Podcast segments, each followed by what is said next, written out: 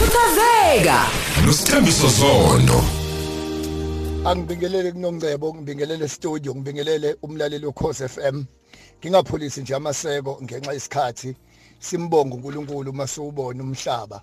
uNkulunkulu esisiza kanje sinayo ifaith nokukholwa ukuthi lesi simo esibhekene naso siyoba sesiwumlando kusasa. Sipholise kubantu bonke abalahlekelwe zihlobo zabo balahlekelwa abazali abantu abalahlekelwe imisebenzi nje. Kunabantu abalalele bayakhala manje. Uma uNkulunkulu engakuvula amehlo ubone ukuthi abantu basey'inkingeni ey'ngakanani. Ungabona abantu begqoka amasiyudi beswenkile uzofisa ukufana nabo.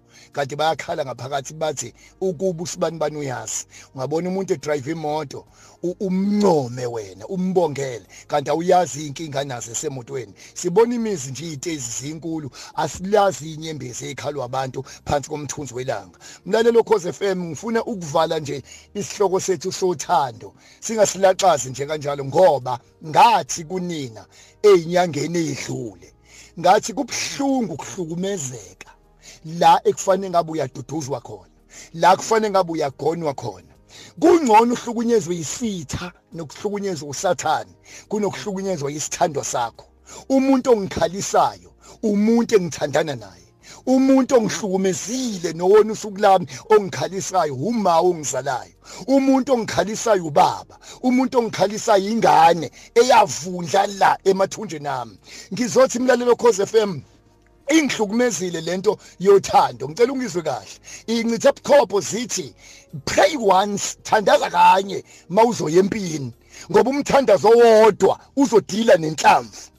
Bese bethi pray twice. Thandaza kabili mawuzoyolwandle ngoba kunoshaka ungathandazi kanye thandaza kabili. Bese bethi pray thrice. Thandaza kathathu mawuzongena ebudlelwaneni.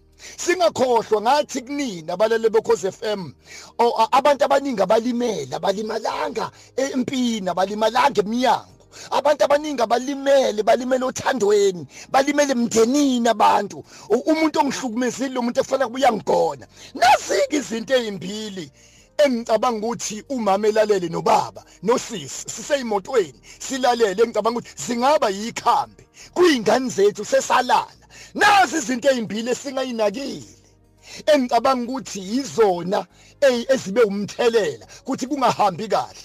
Okokuqala itransparency. Ukuphobokelana okwesibili ingqondo ingqondo ake ngikuyeke kwe-transparency angingene la ingqondweni. Are you aware ukuthi bengikhubela umhlungu triple S? Useshade 34 years nonkosikazi wakhe. Mangibabuka noma ngibabuka i Nkosi yami nami ungibusise ngibe nje emshadweni engikuwona. Uthi ubaba umhlungu cha akukona ukuthi inkinga zikho zikhona. Ezikhona futhi mhlawumbe nakubantu abahlukana baxabana. Kodwa iyodwa into esisizile ukuthi sikwazi ukunderstanda izimo. Mina ke sengiyajobelela ngithi unebhadi mlalelo wekhosi FM mawuhlele ekamerweni uhlele eroomini uhlele othandweni nomuntu ongakwazi ukungena ezicathulweni zakho. Angiphinde again. Uneshwa. Mawuthandana nomuntu uhleli nomuntu kanti akakwazi ukungena ezicathulweni zakho. A understand izimo. Bonke abantu abahleli othandweni abantu abanengqondo abantu abakwazi ukucabanga. Lento yengqondo siyaye masingena othandweni sibheka ama hips unama hips uneyifaca une hairstyle umuhle umi kahle ufundile wena uyakholwa wena unemali. Yonke lento ayithi ishu uma lo muntu engenayo ingqondo engakwazi ukucabanga abantu abaningi emhlabeni abahlukana akuzona lezi zinto esiyikhombayo. Kodwa into yasihlukanisa it was the absence. Kwaba ukuthi cha babefundile benemali benayo yonke into. Kodwa ingqondo ayikho la. Uyaba nezimoto nga6 nga7 kanti ingqondo ayikho esitezi simkada sikho uyaba nama hips kanti ingqondo ayikho la. Uyathandaza. Hey baba ngiza kuwe. Uvuthe kanti ingqondo ayikho la. Ngizothi no Solomon wagoba. kuNkulunkulu wathi inkosi kuyo yonke into ngicela ungiphi into eyodwa ethe uNkulunkulu Solomon cela ufuna ngikwenzeleni? Wathi uNkulunkulu Solomon inkosi ngicela ungiphi ukuhlakanipha lento yokuhlakanipha njalo no x-ray awukwazi ukuyibona. Lento yokuhlakanipha isiphiwo asike sicele emakhaya